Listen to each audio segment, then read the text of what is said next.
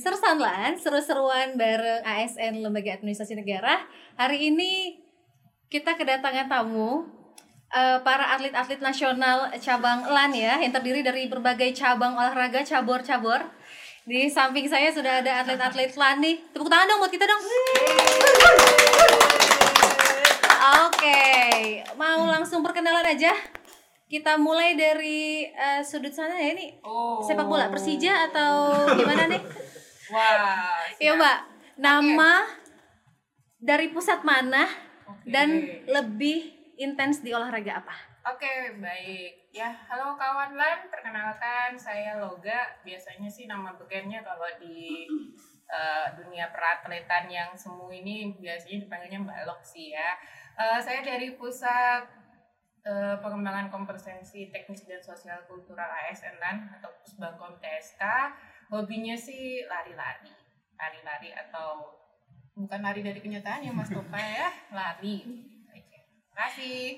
Oke, next langsung lanjut ke yang masih pakai topi nih. Oh, iya. Iya. Oke, mana kameranya ini ya? Ya, saya Mustafa dari Humas Palogada Prediction. Kebetulan cabur yang saya ikuti karambol dan golf ya. Yang serius, yang serius, yang serius, yang serius. ya sama serius. kayak Mbak Loga saya eh, lari ikut komunitasnya veteran. Ya, ya, tuh, veteran. Lanjut. Oke, Mas. oke teman-teman. Eh, saya Oscar dari Pusat Pengembangan Kader ASN atau di- disingkat Pusbang Kader ASN. Eh, ya jangan lihat badan saya, tapi saya di sini adalah pesepeda. Hobi saya itu bersepeda dengan Tunjukin dua dong. roda. Tunjukin dong alatnya, alatnya. Salah Wow, satu oke. buktinya jersey dari Kebumen. Wih. Bumen Jogja nih, Bumen Jogja. Apa? Biasanya ngapak berarti. Lanjut. Mas, Oh ya, hai kawan lan, nama saya Ali Haji Nugroho, biasa dipanggil dipanggil Alif dari Politeknik Setialan Jakarta. Hobi olahraga sebenarnya banyak, yang paling utama adalah akuatik atau renang. Tapi karena musim hujan dan lapangan atau kolam renangnya bermasalah, jadi kita fokus ke futsal aja. Ini buktinya, ini seragam satu-satunya di futsalan Oke. yang menjadi legend. Oke. oke, lanjut. Wah. Uh, halo kawan LAN, saya Danti dari Biro Hukum dan Humas. Kebetulan di LAN itu sukanya uh, apa ya? Suka main tangan katanya. Jadi olahraganya saya alihkan ke pingpong. Kita punya uh, komunitas namanya PTM Makarti LAN dan kebetulan uh, saya salah satu uh, ikut di komunitas uh, pingpong. Kasih. Oke. The last but not least. Halo kawan LAN, nama saya Hasna Zakia, saya dari Pusat Inovasi Manajemen Pengembangan Kompetensi ASN, disingkat Pimbangkom ASN.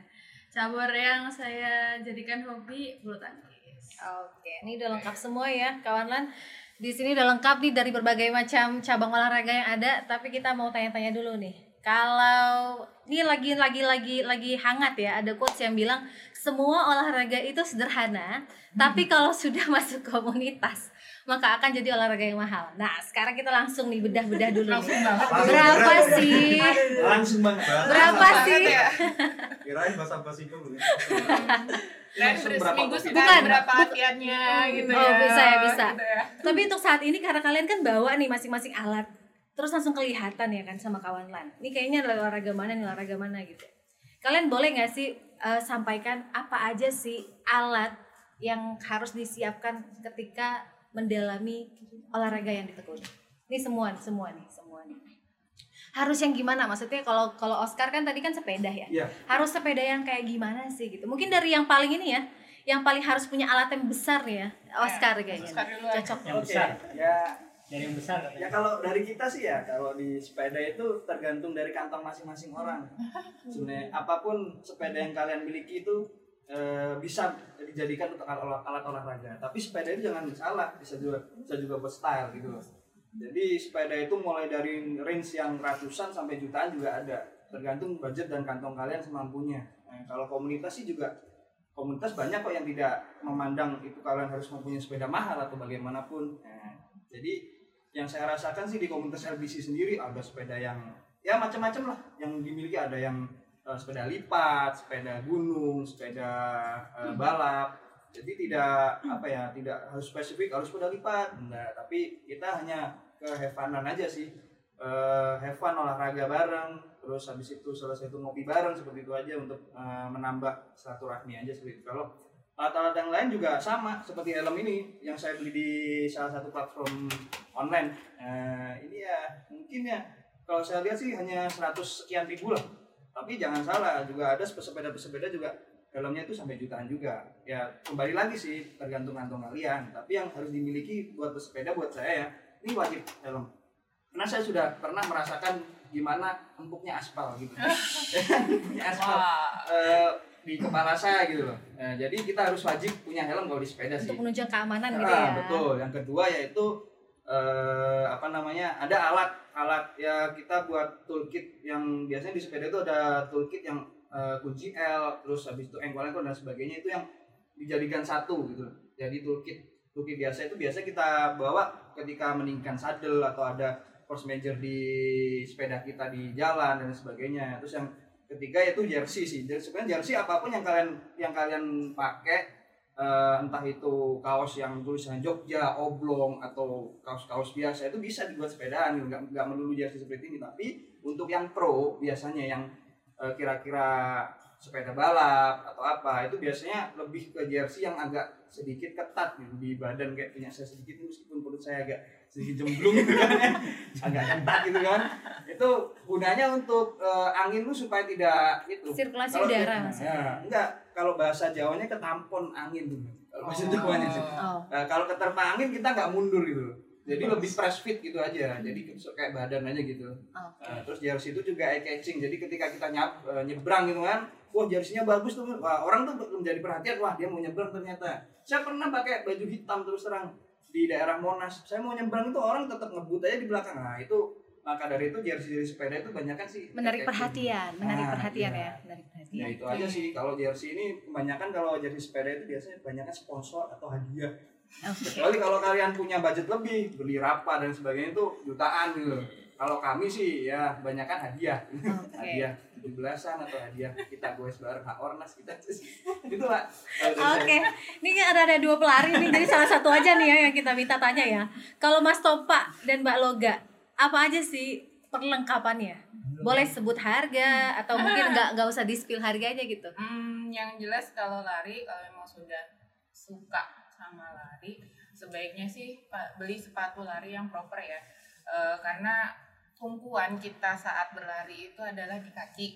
Kalau sampai eh, sesuatu hal misalkan jalurnya nggak rata atau mungkin harus melewati medan-medan terjal terutama kayak Mas Tova ini kan pelari trail nah itu sepatunya beda lagi. Jadi kalau yang lebih utama untuk pelari itu tentunya sepatu yang nyaman sepatu yang pas dan nyaman. Tidak perlu mahal tidak perlu harus yang eh, kar- plat karbon ya mas Plat karbon dan sebagainya tapi yang jelas nyaman dan enak dipakai untuk lari. Preferensinya masing-masing mereknya banyak tidak perlu disebutkan lah ya.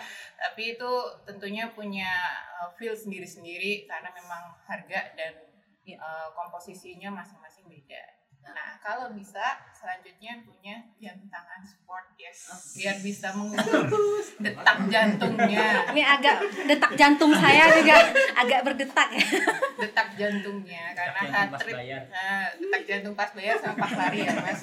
Nah heart rate-nya itu eh, berbahaya kalau sampai melewati batas-batas tertentu. Karena kan kita lari mau sehat bukan mau adu jantung eh, adu detak jantung. Jadi kalau bisa bisa lihat eh, heart rate-nya itu kita bisa mengatur Seberapa maksimumnya kita. kecepatan kita dan sebagainya itu sih yang perlu diperhatikan kalau memang sudah suka sama atau hobi dengan lari. Mas Topa mau nambahin? Kalau jersey kita biasanya dapat gratisan, Gratisan dari. Lomba-lomba.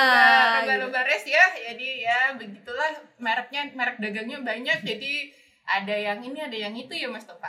Ya Mas Topa. Ya kalau dari saya paling kurang itu alat yang paling mahal kaki ya karena kan Nah. dari Tuhan ya Hmm. kita nggak bisa beli kita nggak bisa Sekali. Bener bener. Tuh. Jadi, intinya kalau olahraga lari ya dari kaki sih Oke. Ini sebelum ke sebelum ke bulu tangkis, sebelum ke futsal nih. Ke tenis meja dulu nih. Kira-kira apa nih, Bang? Karena kan orang agak eh, orang mengenal tenis meja tapi nggak tahu betul gitu ya. Apa aja nih mbak? Kalau tenis kan biasa, kalau tenis, apalagi tenis meja ya, tenis meja pasti bed sih yang pertama. Eh, bed itu juga sama untuk olahraga, nyaman bagi yang pemegang bednya. Kalau misalnya ada juga gram-gramannya dia beda, ada yang lebih ringan, ada yang sukanya dengan bed yang lebih berat. Jadi itu disesuaikan sama eh, pemainnya juga. Kalau di kita, karena masing-masing di LAN sendiri itu udah punya eh, perkumpulannya, jadi kita hari Jumat pagi udah punya lapangan juga kan di lantai 8 jadi kita main di sana bareng dan banyak kan juga pegawai-pegawai senior di sana jadi sekalian buat kumpul bareng ya ketawa bareng ya Silaturahmi gitu ya. lah ya sama yang silaturahmi. lain jadi eh, itu kalau untuk alat ya paling bed aja sih kalau untuk meja kan udah disediain untuk jersey kalau kami kayaknya masih ikutan gratisan by sponsor Semua olahraga bisa gratis. iya karena kan bisa Harga itu murah hasilnya. harga itu murah kalau kita udah suka sama olahraga Olahraga. Kalau bulu tangkis dan futsal nih? Siapa yang mau duluan? Silakan. Oh, aku. Jadi kalau bulu tangkis apa ya modalnya? Modalnya yang pertama jelas raket. Raket itu paling harganya 250 sampai 300. Kemudian eh, shuttlecock, shuttlecock itu biasanya kita urunan eh, patungan buat beli itu dari harga 60 sampai 80 ribu. Terus eh, yang penting banget kan lapangan ya biar nggak kena angin atau gimana. Cuma sekarang kan udah ada lapangan di pejompongan. Dulu kan sebelum masuk LAN itu kan harus nyewa lapangan dan sebagainya itu lumayan sih per jamnya bisa 25 sampai 30 ribu ada Kan yang udah menyiapkan gitu ya ceritanya lapangannya Iya, udah ada nih disiapkan iya. sama LAN gitu ya. iya sih Bu. iya iya itu sih mbak terus eh, apa lagi ya udah sih sama temen sih yang jelas nggak bisa main sendiri. Ada partner Nggak ya. bisa. Nggak bisa. Harus harus ada temennya itu sih. Terus tangkis untuk ya. di LAN sendiri itu bulu tangkis kayaknya banyak sebenarnya banyak orang yang suka bulu tangkis cuma kita tuh belum ada komunitasnya mbak. Jadi Oke. eh, untuk main itu biasanya cuma by phone temen gitu loh. Kayak ayo bulu tangkis gitu. Terus nanti Jumat sore biasanya Jumat sore eh, main di pejompongan dari OTW dari sini ke sana Oke. Mas Ali nih terakhir. Oke, ini terakhir karena pertanyaan ini harus hati-hati menjawabnya. Oh, karena eh, olahraga seperti yang teman-teman bilang tadi bisa murah tapi juga bisa sangat mahal termasuk futsal atau sepak bola secara umum. Jadi mulai dari equipment misalnya sepatu itu ada yang harganya 50.000 tapi juga ada yang harganya sampai eh, berjuta-juta rupiah. Jadi tergantung kita. Dan ini harus hati-hati menjawabnya karena kalau kawan mahal kan nanti flexing, flexing. Bukan, nanti sama keluarga yang di rumah nggak boleh main lagi. Oh, bahaya. bahaya. Saya bahaya. pakai, pakai yang middle kok, pakai yang middle. Jadi yang tadi yang penting memenuhi standar terus bisa menjaga keamanan dan lain sebagainya. Eh, kemudian untuk hal-hal lain lapangan di LAN sendiri juga sudah ada lapangan untuk futsal di eh, Jombongan tepatnya itu sudah bisa kita manfaatkan. Nah yang paling mahal dan juga sangat sulit dicari sebenarnya waktu. Kan tadi setelah teman, Filosofi, setelah teman atau tim itu waktu karena waktu ini sangat sulit dicari karena kita kan untuk futsal minimal bersepuluh jadi harus Ah, me- ya. Menyamakan Maka- waktu. menyamakan waktu untuk 10 orang itu sangat sulit sekali. Jadi untuk LAN mohon diluangkan waktu dari Jumat pagi untuk olahraga ya. Kalau bisa masuk menjadi SKP pegawai. Jadi Jadi pegawai bisa meluangkan waktu dan memang teralokasi waktu untuk futsal minimal Biar gak satu. mikir terus Mas ya. Iya, biar satu jam sampai satu jam setengah. main juga. Iya. Oke. Ini Boleh, kan ini kan tadi udah semua nih tentang hospitality. Terus ada di ada disinggung-singgung juga tadi komunitasnya ada LBC, terus ada veterannya di awal ya Mas Mustafa gitu ya. Gimana sih kegiatan dari komunitas-komunitas ini? Kan tadi Hasan langsung mengaku ya bahwa belum. Belum tapi berarti akan gitu ya. Kemungkinan besar nanti Insya akan Allah. insya Allah. Gimana sih komunitas-komunitas yang udah ada kayak misalnya Mbak Danti kan udah ada nih PTM nih, terus ada veteran, pas banget ya veteran gitu. Terus ada LBC juga, terus ada futsalan juga. Apa sih kegiatan-kegiatan yang sudah dilakukan atau mungkin ke depannya deh boleh mau ngapain aja gitu. Mustafa dulu. Boleh, Silakan. boleh deh, boleh. Yang menciptakan veteran loh. Oh pionir ya pionirnya nih. Yang Oke. menciptakan namanya juga Mas Mustafa. Bisa padahal ada ada 10-nya ya Mas ya belakangnya ya. veteran 10 Veteran Veteran 10 10. sesuaikan alamat kalau di kita sih sebenarnya awal awal terbentuknya kan waktu ikut lomba apa sih? ASN uh, ada satu Oh, satu ada satu event event. uh, ini jadi kita bikin karena maksimal kelompok berlima gitu instansi harus ada instansi jadi kita bikin waktu itu bareng eh, teman-teman yang lain namanya apa ya, itu kepi- kepikiran veteran veteran aja sesuai alamat. Cuma rannya diganti RUN jadi lari. Kalau kegiatannya paling ya kita kayaknya nggak pernah latihan bareng ya. Belum. Lebih ke flexing waktu catatan terbaik ya. Biar motivasi biar motivasi ketemu. Siapa yang udah lebih oh ada. Coach kita. Nah, terus Oke. apa namanya? Uh, sharing Coach rest sih, sharing rest. Eh ini ada di sini, ada rest di mana. Ya itu aja sih belum. Kita malah belum pernah latihan bareng ya balok ya. Udah ada kepengurusan gak sih mas? Kayak Eh, veteran gitu. Sekarang saya angkat ketuanya balogas. Oke, ini ini ini di sini ya. Di sini peresmian dan pelantikan langsung. Luar biasa Ya, mulai- loh ini. Podcast sekaligus peresmian dan pelantikan ya. Mas Mustafa Oh, sekjennya Mas Mustafa tetap. coachnya coach Dona ya Ada coach Jona. Tapi sampai sekarang itu anggota dari veteran itu berapa yang tetap mas? Alhamdulillah lima nggak nambah-nambah. Enggak sebenarnya ada enggak enggak lima juga sih. Atau ada kriterianya nggak? ada yang- Nambah lagi nih Enggak, pertanyaannya. Jadi kriterianya yang penting suka lari aja sih. Kita, uh, suka lari terus udah cuma suka lari aja enggak sih. enggak enggak ada kriteria khusus. Kalau untuk waktu latihan barengnya, misalnya kayak Hmm. yang kayak PTM ini kan bareng nih, terus bulu tangkis kan ada ada jat- ada jam-jam barengnya, maksudnya ada hari-hari barengnya, yuk kita kumpul gitu. Kalau veteran itu ada nggak sih belum kumpul barengnya? dulu, dulu sih pernah latihan bareng Ah, kalau menunggu waktu fleksi. Pulang. Jadi Bermanfaat ya Bermanfaat. maksudnya sekaligus tunggu pulang, tapi juga sehat gitu ya. tapi Coba- tahun kemarin sempat ikut event bareng ya mas? Event tapi bareng, jadinya saya gagal ya. berangkat. Oh iya, iya Oh. kita suka suka ikut event bareng kayak kemarin terakhir di uh, Siksoro Gola Ultra tuh. Ada beberapa teman-teman veteran yang ikut. Jadi la- lari bareng di sana. Ya larinya masing-masing sih sesuai case masing-masing. Tapi ikut resnya bareng gitu. latihannya Kedepan- masing-masing juga Ke depannya bakal ada program apa nih mas? program Atau melalui podcast ini akhirnya terpikirkan gitu, oh iya kita mau bikin kayak gini nih gitu, Join aja untuk veteran. mau join atau gimana Ya, gitu? nggak paling itu aja sih mungkin uh, nanti makan lari makan. lari makan lebih ke ini sih apa namanya sebenarnya kita ada ada ada satu anggota yang lumayan oke ya dari segi Mhm. segi P segi program harinya mungkin Mhm. Mungkin bisa ya? juga bisa juga kita bikin program la- latihan bareng gitu bikin Hmm. karena kan kalau lari itu sebenarnya yang lari yang bagus tuh misalkan mau maraton enam bulan lagi gitu itu harus ada Program. programnya selama enam Oh. bulan itu nah itu sebenarnya ada misalkan uh, minggu pertama ini lari berapa kilo larinya apa itu ada kalau kalau saya kan cuma lari seruntulan aja ya bukan Tuh. bukan pelari atlet beneran di anggota kita tuh ada yang pelari beneran lah termasuk Mbak Loga ini sekarang ikut apa Mbak SB SBTG itu itu termasuk program lari juga Mbak Loga kepilih dari sekian pendaftar Wow, oke.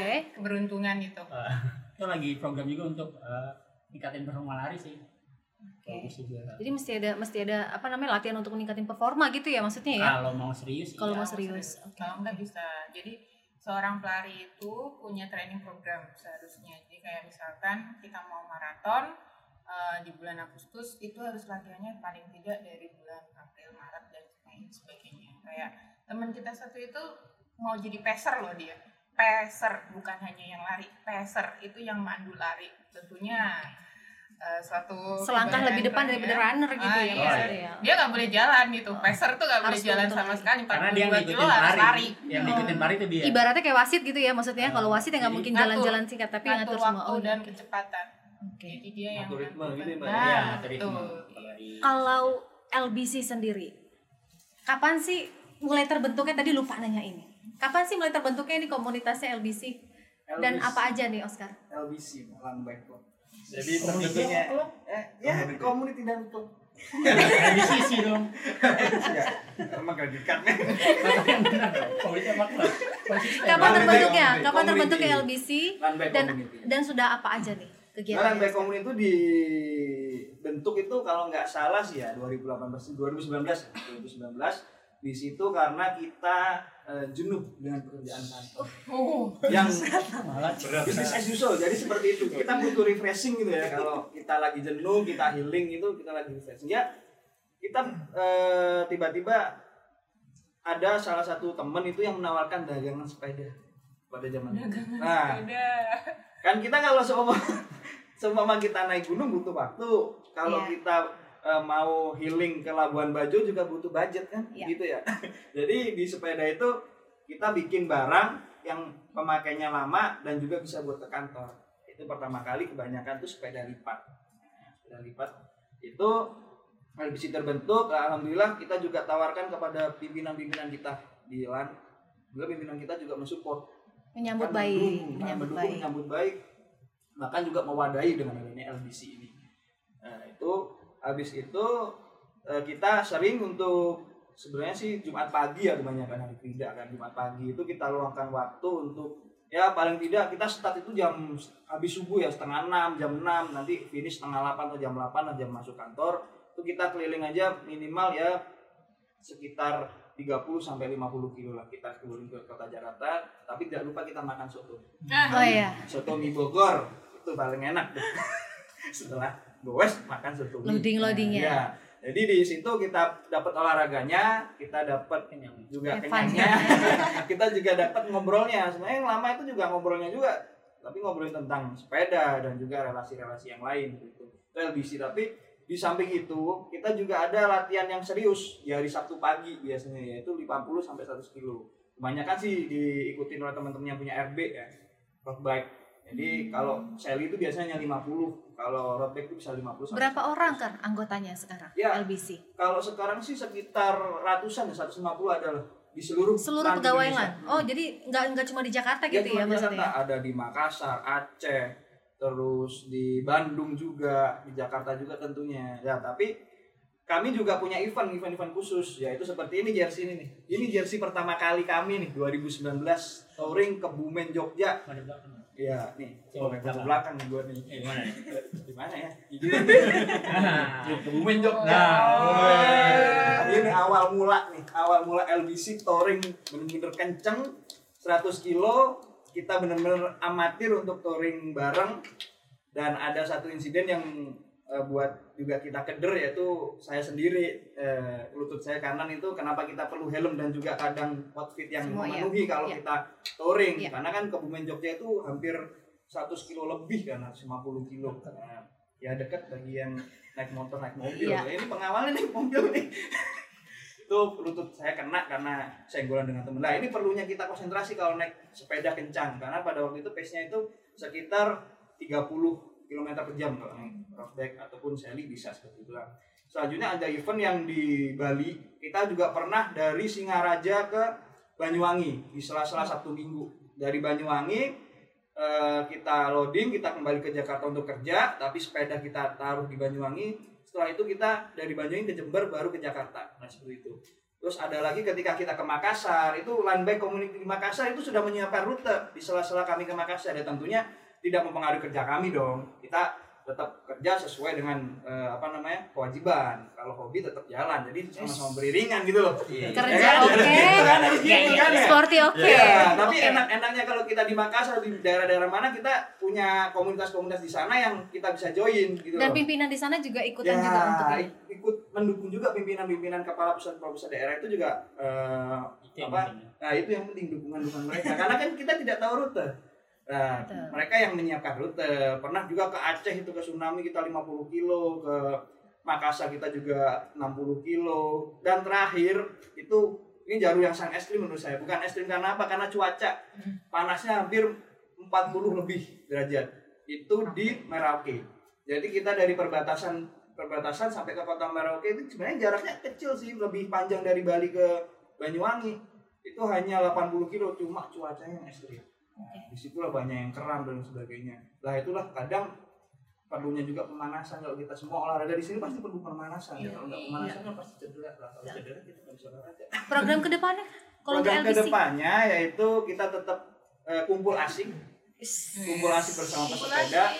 Kita Ini kita lupakan eh, sejenak pada waktu kita ngopi setelah sepeda untuk membahas kerjaan. Kita tetap membahas part-part sepeda dan juga bagaimana membongkar, mendandani sepeda. Jadi Seimbang. kita out of the box lah untuk tidak eh, apa namanya tidak mencampur adukan mana hobi dan mana kerjaan. Tapi kadang juga ada sih sedikit kecampur. Gitu. Jadi relnya harus benar-benar pisah gitu ya. Ya. Maksudnya kerjaan-kerjaan, Ya, ini sebenarnya- hobi-hobi. Ya betul. Kadang kadang pisah, kadang juga eh, apa namanya Nanti akan bertemu lagi, nanti ya. Karena bisa kalau lagi. pisah kita pisah terus juga nggak enak. Ntar kangen. Oke. Oke. Kita ke tenis meja dulu nih. Balik lagi. Ini kan juga terbentuk nih, Mbak, PTM. Dan ini tenis meja kan sebenarnya seperti apa ya hubungan-hubungan pacaran ya, kangen sebel, kangen sebel, kadang hangat. Lagi tenis meja tenis meja Iya. semua. Lagi sepi adem tenis mejanya. Gimana Mbak? Untuk Kalau community-nya? untuk maintain ya untuk komunitas sendiri ya biasanya kita di hari Jumat sih ya. Kalau Jumat pagi pasti eh, apa di calling lah. Kan kita punya grup juga untuk latihan. Kita punya beberapa meja juga yang dipakai gitu di atas. Jadi ya paling itu aja sih. Kalau misalnya untuk lomba ya pasti calling juga. Jadi kayak siapa yang mau ikut ya jadi waktu lagi tahun lalu itu eh, PTM dapat undangan untuk eh, kompetisi tenis meja. Memang kalau misalnya dilihat kan, wah kurang nih orangnya kurang, tapi ternyata kan banyak ya. Jadi sebelum saya masuk PNS juga udah banyak gitu, nggak cuma di Jakarta doang, tapi di Bandung, Makassar juga punya PTM. Nah pas lagi Oh sama kayak LBC ya berarti ya, maksudnya cuman di semua yang dia lebih aktif Punya. sekarang kan, karena kalau kita kan ya kalau ada kompetisi naik, gitu. tapi kalau misalnya untuk setiap minggunya kita punya eh, yang eh, di hari Jumat pagi. Itu sih. Untuk sampai saat ini jumlah anggotanya itu berapa Mbak Danti? Kalau jumlah pasti sih eh, nggak tahu berapa, tapi mungkin seratusan ada. Wow. Berarti antusias juga ya maksudnya ya, ya untuk kan ya. Kalau futsal sendiri gimana, Mas Ali? Ini cukup menarik, Mbak. Ini anak-anak Jadi muda nih biasanya ya. Jumlah yang selama ini mengikuti kita kan ada grup WA-nya juga untuk Ya. futsalan dan itu sudah mulai kalau saya sendiri masuk di 2018 tapi mungkin sebelum-sebelumnya juga sudah eksis. Nah, eh, WA grup itu sendiri eh, membernya sekitar 150-an. Banyak ya. Cukup banyak sekali. Untuk ukuran futsal ya yang seharusnya satu pertandingan itu hanya butuh 10 orang sampai 15 orang. Kita ada Pemain 150 cadangannya banyak ya. Berarti ganti-gantian gitu ya. Tetapi ada sedikit kendala. Jadi dari 150 orang itu yang bisa menyamakan waktu untuk bisa Hmm, spend waktu satu jam sampai satu jam setengah itu kadang eh, agak sulit. Jadi ya rata-rata kalau kita lagi main futsal itu ya yang datang sekitar 10 sampai 15 itu aja. Jadi memang eh, kita harus memang menyediakan waktu untuk itu. Nah kemudian untuk yang selama ini sudah kita lakukan sebelumnya pasca pandemi itu kita sudah sering latihan bahkan antar KL juga. Jadi kita ada latihan rutin yang kita coba eh, jaga kontinuitasnya itu dua minggu sekali maksimal.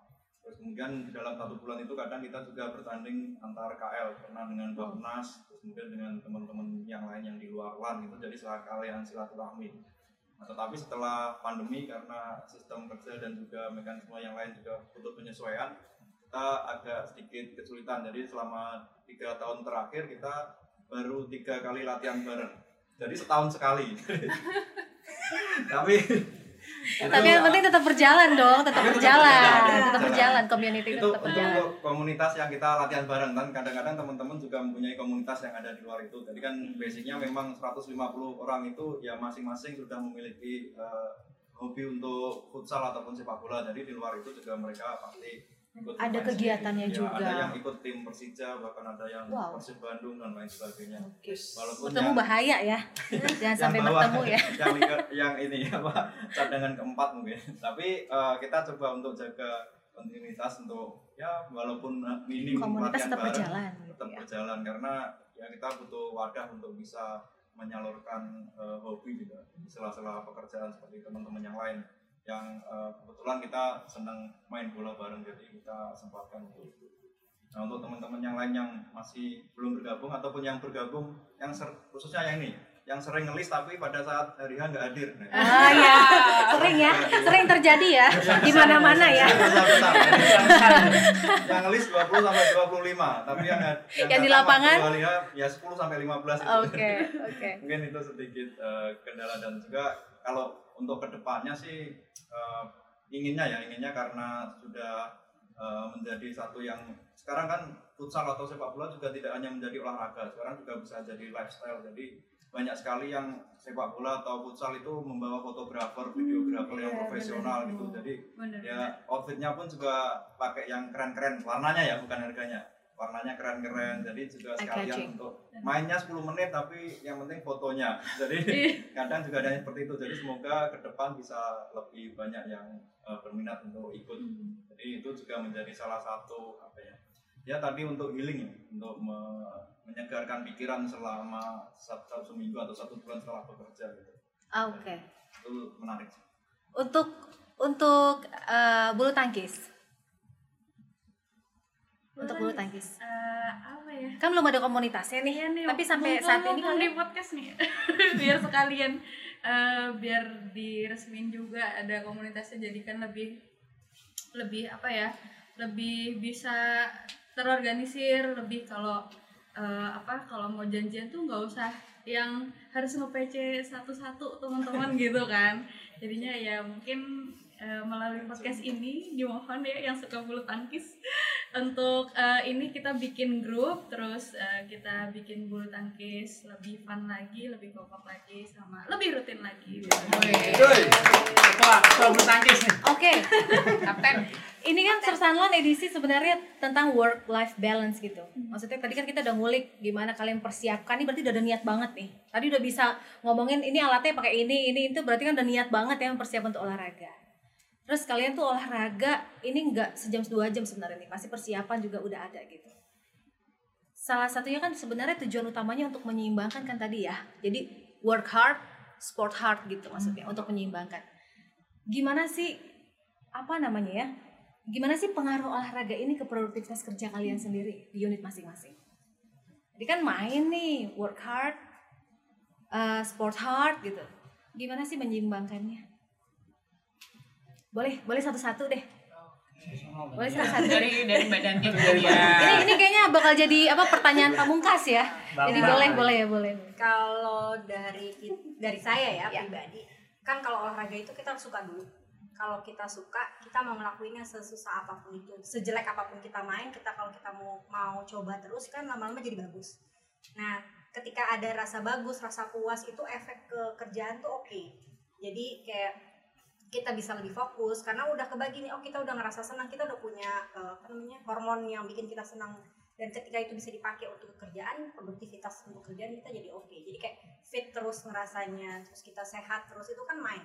Jadi yang pikiran kita dengan olahraga dengan olahraga teratur itu bikin pikiran kita juga happy terus kita kerjaan. Walaupun kadang bertumpuk-tumpuk yang bertubi-tubi tapi ya ya udah karena kita udah ngelepasin punya punya apa ya cadangan hormon senang gitu istilahnya itu jadi enak ngejalinnya gitu kalau dari saya pribadi untuk olahraga apalagi nanti kumpul sama teman-temannya juga kan kita bisa chit chat bareng atau misalnya kumpul bareng dengan ada Having fun. having fun bareng gitu itu juga butuh apa ya asupan senang sih buat kita. kalau dari saya Mas Ali. Sepakat sih Mbak, jadi sama seperti Mbak Danti, olahraga itu sangat penting sekali, apalagi kita di lembaga think tank. Saya di Politeknik Setiawan Jakarta, eh, eh, ada fungsional dosen, jadi setiap hari harus banyak baca, terus kemudian juga diskusi dan lain sebagainya. Yang diolah rata-rata itu eh, kognitifnya, atau eh, menggunakan kinerja otak yang maksimal. Nah, eh, sehingga kita juga harus bisa menyeimbangkan. Jadi tubuh kita juga harus terbiasa dan juga kita harus eh, menyehatkan badan gitu. Karena rata-rata ya, rata-rata yang menjadi salah satu apa ya, salah satu mitos yang ada di luar sana kan pemikir itu biasanya jarang untuk bisa melakukan olahraga atau olah fisik. Rata-rata kan kalau eh, misalnya kita lihat eh, meme atau kartun-kartun tentang profesor kayak gitu kan rata-rata yang dia kutu buku Digambarkan tua, tua botak. yang dia lemah kalau uh, jalan sering kesandung dan lain sebagainya kayak itu berlebihan iya jadi kita memang harus menyeimbangkan itu termasuk juga di unit-unit yang lain juga pasti sama. Setiap hari kita dari pagi sampai sore terkadang di depan laptop menerima paparan UV dari laptop yang cukup lama baca referensi yang banyak itu juga di otak mem- memerlukan kerja yang luar biasa. Sehingga kita harus mem- memerlukan kegiatan lain yang tidak berhubungan dengan itu. Salah satunya mungkin hobi hobinya ya- yang lebih positif yaitu olahraga. Walaupun banyak hobi-hobi yang lainnya tapi olahraga itu bisa menyeimbangkan untuk tubuh dan pikiran. Itu sih dari saya Oke, Hasnah. Ah, kalau dari saya pribadi lebih ke ini ya, lebih ke jadi kualitas tidur di rumah jadi lebih bagus gitu ya. Soalnya saya sebenarnya gangguan tidur gitu kan, suka begadang. Ini penting ya. Ini penting nih buat semua kawan. Jadi um, karena olahraga itu jadi kualitas tidur tuh jadi bagus, jadi terasa lebih nyenyak, lebih enak pagi bangun tuh enteng gitu kan. Jadi kalau berangkat kerja tuh nggak nggak suntuk, jadi langsung ah seneng berangkat kerja nanti olahraga terus nanti tidurnya nyenyak gitu terus kan namanya juga siklus eh, bekerja ya apalagi seharian di kantor itu kan di depan komputer kayak Mas Ali bilang terus kayak Mbak Dati bilang juga kalau olahraga itu meningkatkan hormon yang membuat kita senang. Jadinya begitu eh, apa setelah olahraga terus have really good sleep eh, bangun paginya bangun paginya jadi lebih senang untuk berangkat ke kantor juga nggak tidur di kantor gitu, gitu aja sih. Jadi ada ada ada ada rilisnya gitu ya di Iya, tempat yang yang iya. tepat gitu. Mas Kar? Oh, kalau saya sih kalau Mbak Danti tadi bilang olahraga itu harus suka, kalau saya saya tambahin olahraga harus dipaksa. Oh, Karena, benar benar. Ya, baru kalau setelah dipaksa baru suka. Hmm, suka pemaksaan Iya iya iya iya. iya. Udah, itu aja. Oh, bukan. belum, belum. belum, belum. Jadi kalau olahraga sebenarnya sebenarnya kebutuhan badan kita ya sebenarnya. Eh, kalau kalian itu ibarat badan itu seperti kendaraan atau mobil, mobil mana yang awet ketika disimpan di dalam eh, gudang? Ya, ya memang awet secara secara Fisik, ya, fisik. secara fisik Tapi ketika kalian coba nyalakan dengan mobil sport, itu akan berbeda seperti itu ya. Untuk itu kita harus paksa diri kita untuk berolahraga supaya apa? Badan kita tidak eh, se- tetap, tetap, tetap seger lah, tetap bugar, tetap bisa bergerak dengan optimal tanpa penumpukan penyakit penyakit. Karena orang tidur terus itu juga ya seperti mayat. Jadi ya lemes, mager, mau ngambil kadang kalau kita di kosan tuh kita nggak berolahraga atau kita jarang gerak pasti kita kayak ngerayap gitu kan mau, mau ngambil teh aja mau ngambil GoFood eh GoFood tuh udah GoFood tuh udah udah menurut saya udah membantu banget orang-orang mager ya kalau kita lagi mager Malah bikin orang mager Iya, ya. apalagi kalau kita nggak olahraga kita pasti kayak gini gini Eh, kayak gini mau zombie ya? Eh, eh, ma- mau gitu nih HP itu kayak kita ngerayap-ngerayap gini padahal kalau kita olahraga wah siap langsung gini kan olahraga iya. jadi kayak kita bangun bangun dari tidur kayak workout gitu cet gitu kan. ya pesen GoFood nih pesen. Langsung. Coba kalau kita mager nggak nggak mau olahraga aduh pesen GoFood terus aduh kayak gitu. Nah, Balas itu- aja nah, lama ya. iya mbak. Makanya olahraga itu harus dipaksa. Harus Oke. dipaksa. Nah siapa tahu kita pas olahraga juga temu jodoh kan? Nah. kayak kita kayak lari mbak di GBK. Kita nggak tahu lah saya saya sepedaan di GBK. Wah, olahraga tuh kalau kita paksa nih kita harus ke, ke GBK GBK. Loh apa ya? Oh ada cewek cakep nih GBK oh kopinya enak nih. Akhirnya wah enak juga itu menjadi sesuatu, sesuatu keuntungan nih. Apalagi kalau badan kita bagus ya. Badan kita bagus ya. Jadi flexingnya flexingnya badan, flexingnya badan. Iya, apalagi kalau badan kita Pak, pasti kan, wih badan dia seger ya. Coba bayangkan sama orang yang gini nih, tidur, ya badan dia kayak gitu ya, eman banget badannya kayak gitu kan. Kalau kita badan kita tegap gitu kan, lari di GBK, wih badannya bagus ya, pasti dia sangat eh, dia sangat eh, mencintai badannya. Dia biasa saja bisa mencintai badannya, apalagi mencintai aku kan gitu. Kayak gitu kan. Oke. Iya, nggak curhat, tapi ya gimana gitu kan. Kita ke Mas Topa. Kita ke Mas Topa dan Mbak Loga nih. Oke, Mas Topan dulu. Yuk Mas Topa. Ya. Gimana Mas Top? mungkin eh, kalau saya lari itu jadi kan saya kebetulan dari awal masuk PNS itu di di humas ya dengan intensitas kerjaan yang dari awal tahun sampai akhir tahun itu nggak berhenti berhenti mungkin waktu juga 247 ya sampai minggu. Mungkin kalau kalau nggak diimbangi dengan olahraga lari itu ya mungkin tipes lima kali lah mungkin lah ya. Tapi alhamdulillah eh, mungkin karena saya rutin dari dari sejak sekolah sudah mulai lari itu eh, ya nggak nggak. Dari kecil ya, ya dari masih di dalam kandungan saya udah lari itu alhamdulillah sampai mungkin bisa dihitung jari yang sakit itu izin sakit atau apa. Alhamdulillah sampai sekarang juga sehat. Terus kan di humas juga butuh apa kreativitas tinggi ya. Jadi kalau kalau stuck nggak punya pelarian itu istilahnya pelarian. Jadi kadang kalau udah udah stres nih kerja di kantor paling cuma WhatsApp putih ibu hilang sinyal setengah hari gitu. Itu biasanya lari ke gunung ke hutan atau mana lah pokoknya. Jadi uh, benar-benar hilang sinyal tuh lost. Nggak nggak ada sinyal sama contact ya. Sekali ya Ya iya kan di gunung. iya setelah itu udah udah bisa siap kerja lagi Jadi stress release-nya melalui olahraga itu gitu lari. ya maksudnya ya. larinya mungkin ya agak jauh lah jauh dikit lah Iya. Jangan dikit. jangan dikit Mbak Loga. Ah, 11 12 sama Mas Tova sih sebenarnya. Ini lari itu untuk menyeimbangkan antara pagi dari sebelum jam 7.30 tuh udah tangtung tangtung tangtung udah balas WhatsApp dari malam harus nginget besok ada pembukaan apa pelatihan apa jadwalnya branding dan sebagainya ngingetin pengajar dan lain-lain. Nah lari itu eh, terutama habis kerja ya. Habis kerja itu sebagai stress release lah ya. Satu dua jam nggak balas WA deh. Bodoh amat mau siapa yang WA mau mau apa. Cuman lihat aja oh ya udah udah. Kadang WA-nya saya matiin terus ininya tetap jalan uh, heart tapi pengen menghilangkan sesuatu kejenuhan gitu. Jadi satu sampai dua jam itu kayak me time gitu. Aku tak sendiri dulu deh jangan ganggu gitu. Nah biasanya kalau habis eh, kerja ada waktu ke GBK sejam dua jam. Kalau enggak Sabtu Minggu Sabtu Minggu di antara sela-sela jadi ibu rumah tangga yang baik ya di Sabtu Minggu kan biasanya jadi beres-beres dan sebagainya. Itu pagi ngilang dulu izin suami ngilang dulu ke hutan. Hutan UI dekat rumah jadi sejam dua jam.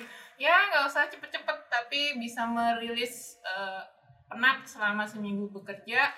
Terus nanti hari Senin itu udah mulai enak lagi. Kalau eh, hari berikutnya itu udah lebih seger lah lebih merasa lebih nyaman gitu loh. Feelnya tuh beda. Kalau habis olahraga sama seminggu nggak olahraga itu udah rasanya pengen makan coklat tuh sebungkusnya gitu. Boleh nggak sih makan coklat sebungkusnya gitu saking loh gitu aja gitu loh. Kadang udah sampai eh, banyak banget yang harus dipikirin tangtung tangtung segala macam. Jadi kalau bisa olahraga bisa melakukan sesuatu yang membuat kita happy itu tentunya akan berbeda dan nanti akan kembali ke diri kita menjadi sesuatu yang menghasilkan produktivitas yang lebih baik. Jadi kita tuh punya semboyan sih, semboyan ini sebenarnya di unit kita, di unit saya TSK bahagia pegawainya mantap kinerjanya. Jadi gimana caranya dibikin bahagia dulu itu pegawainya. Mau olahraga, mau makan, mau apa, ya kita gimana caranya bisa jajan-jajan bareng, bisa seneng-seneng bareng. Nanti baru itu suruh jadi host lagi, ayo ke host lagi.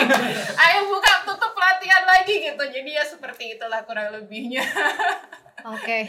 Wow, aku nangkepnya malah malah malah sport itu jadinya bukan lelah ya, maksudnya bukan capek, malah lebih happy, sehat gitu ya. Terus punya waktu untuk diri sendiri. Ya, Jadi me me time. gitu ya.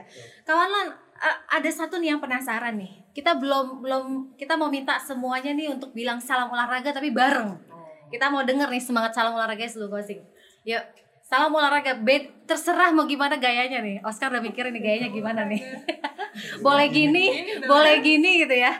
Yuk, Gini. hitungan ketiga ya. Oke. Salam olahraganya yang yang yang yang semangat nih. Iya. Yuk, satu, dua, tiga. Salam. Oke, demikian sersalan kita hari ini. Sampai jumpa di sersalan edisi berikutnya. Bye.